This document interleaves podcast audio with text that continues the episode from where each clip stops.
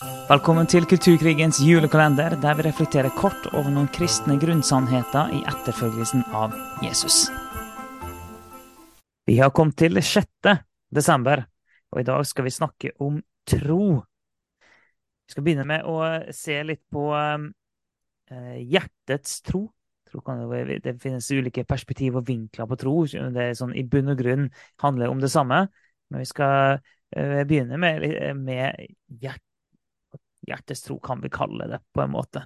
For at eh, i, i Romerbrevet 10, vers 90, så står det For dersom du med din munn bekjenner at Jesus er Herre, og i ditt hjerte tror at Gud reiste ham opp fra de døde, da skal du bli frelst.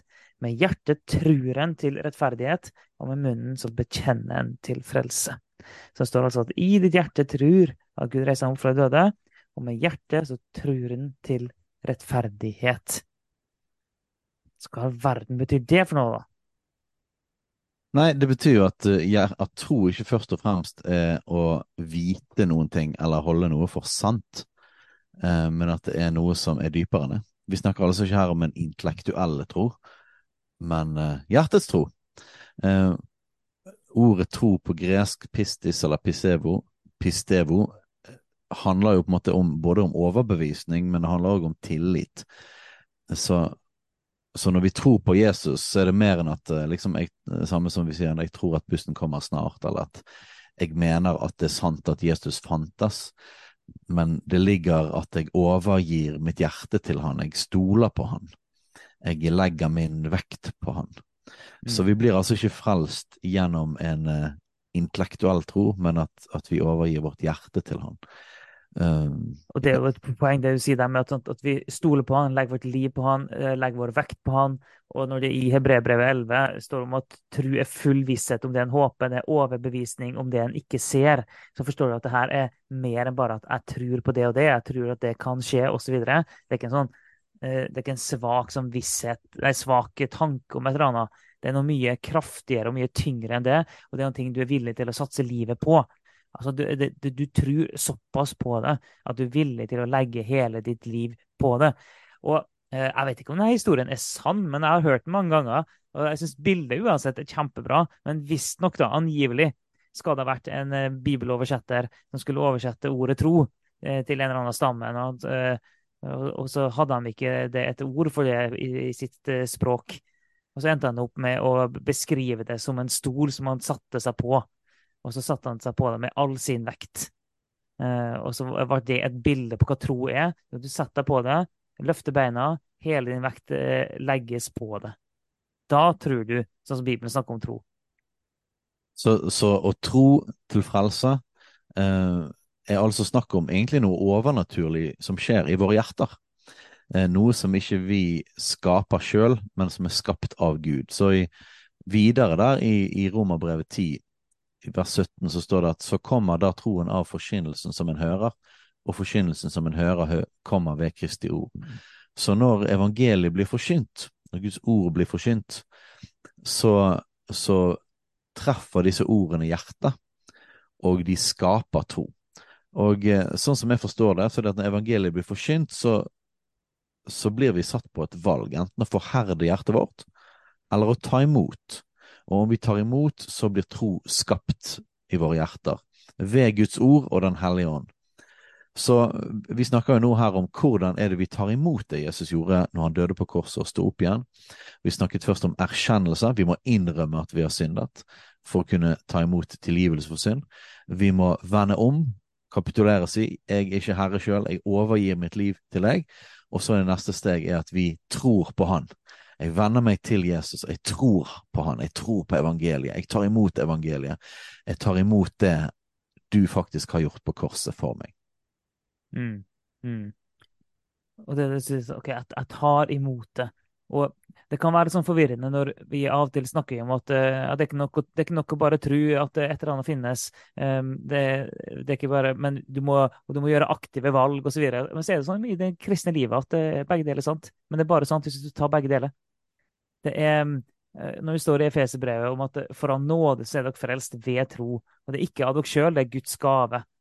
Eh, så, så, så, da høres det jo ut som at eh, her skal vi ikke gjøre noen ting. Og så er det en viss sannhet i det. For han har gjort alt.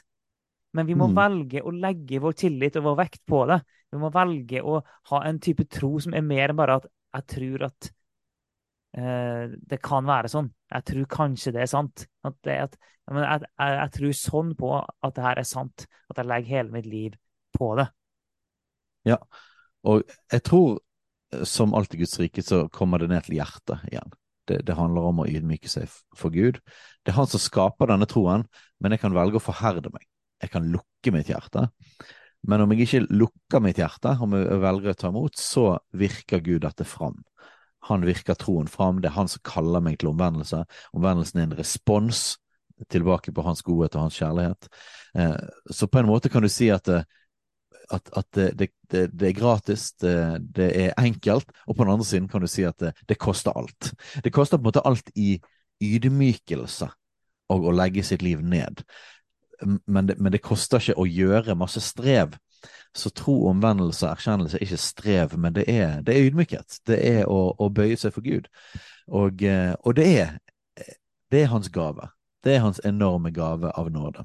Så I Galaterne 2,16 står det Men da vi innså at et menneske ikke blir rettferdiggjort av lovgjerninger, men ved tro på Kristus Jesus, da trodde også vi på Kristus Jesus for å bli rettferdiggjort ved tro på Kristus og ikke av lovgjerninger. For ikke noe menneske blir rettferdiggjort av lovgjerninger. Så det er interessant fordi at eh, Bibelen beskriver at vi får tilgivelse gjennom Jesu død på korset. Det beskriver at vi får tilgivelse gjennom Jesu oppstandelse. Det beskriver at vi får tilgivelse for synd gjennom omvendelse. Og det beskriver at vi får tilgivelse for synd gjennom tro. Og videre skal vi òg se det at det faktisk til og med står, selv om baptister og, og, og pinsevenner syns det er støtende, at vi får tilgivelse gjennom dåp. Så hva er det da? Eh, Er det liksom en av de, eller er det kanskje alle sammen? Og, og vi holder fast på det, at det er alle disse tingene sammen. Ingen disse, vi er ikke sånne som enten tror på korsfestelsen eller oppstandelsen. Vi er ikke sånne som tror på enten tro eller omvendelse eller dåp. Nei, dette er en del av den hele og den samme, ene og samme pakken av hvordan vi tar imot evangeliet. Så internt hos oss så kaller, kaller vi det jo for frelsespakken. Og det er nettopp det. det. Det er en pakke her. Og det er at vi tror på alle ting sammen. Det er det vi tror på. Vi tror ikke på noen enkeltbestanddeler. Vi tror på alle ting sammen. Dermed en frelsespakke. Dermed pakken. Yes. Um, Johannes 3, 36. Dette er jo rett etter uh, de kjente versene Johannes 3, 16 og 17. Og da står det Den som tror på Sønnen, har evig liv. Men den som ikke vil tro på Sønnen, skal ikke se livet, men Guds vrede blir over han. Så her ser vi jo det at Jesus gjorde alt som skulle til for at alle kunne bli frelst. Um, og den som tror på han, har evig liv, men den som ikke vil tro på Sønnen, skal heller ikke se livet av Guds vrede blir over ham. Så, så det betyr at det ikke er en automatikk for alle mennesker, men, men det handler om hjertet. Det handler om om jeg ønsker å venne meg til Han, og sette min eh, tillit til Han, min lit til Han.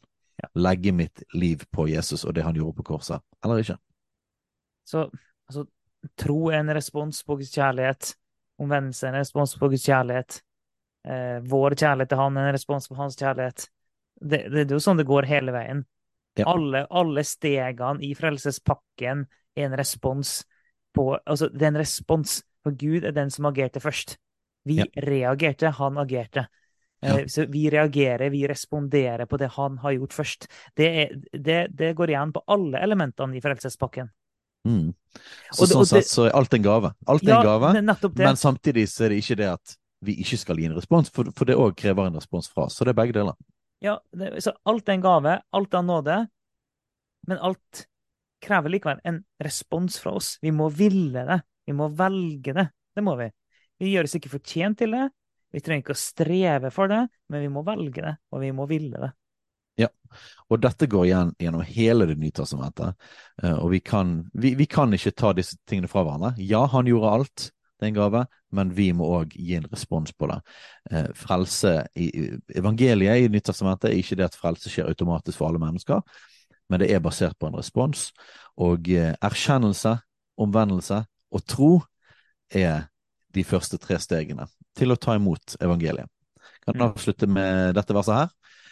Johannes 11, 26. Og hver den som lever og tror på meg, skal aldri i evighet dø. Tror du dette? spør Jesus. Så det kan jo være en, et godt spørsmål å slutte med. Tror du det på en sånn måte at du er villig til å satse livet på det og vinne evig liv in the end? Det fins det du avslutter.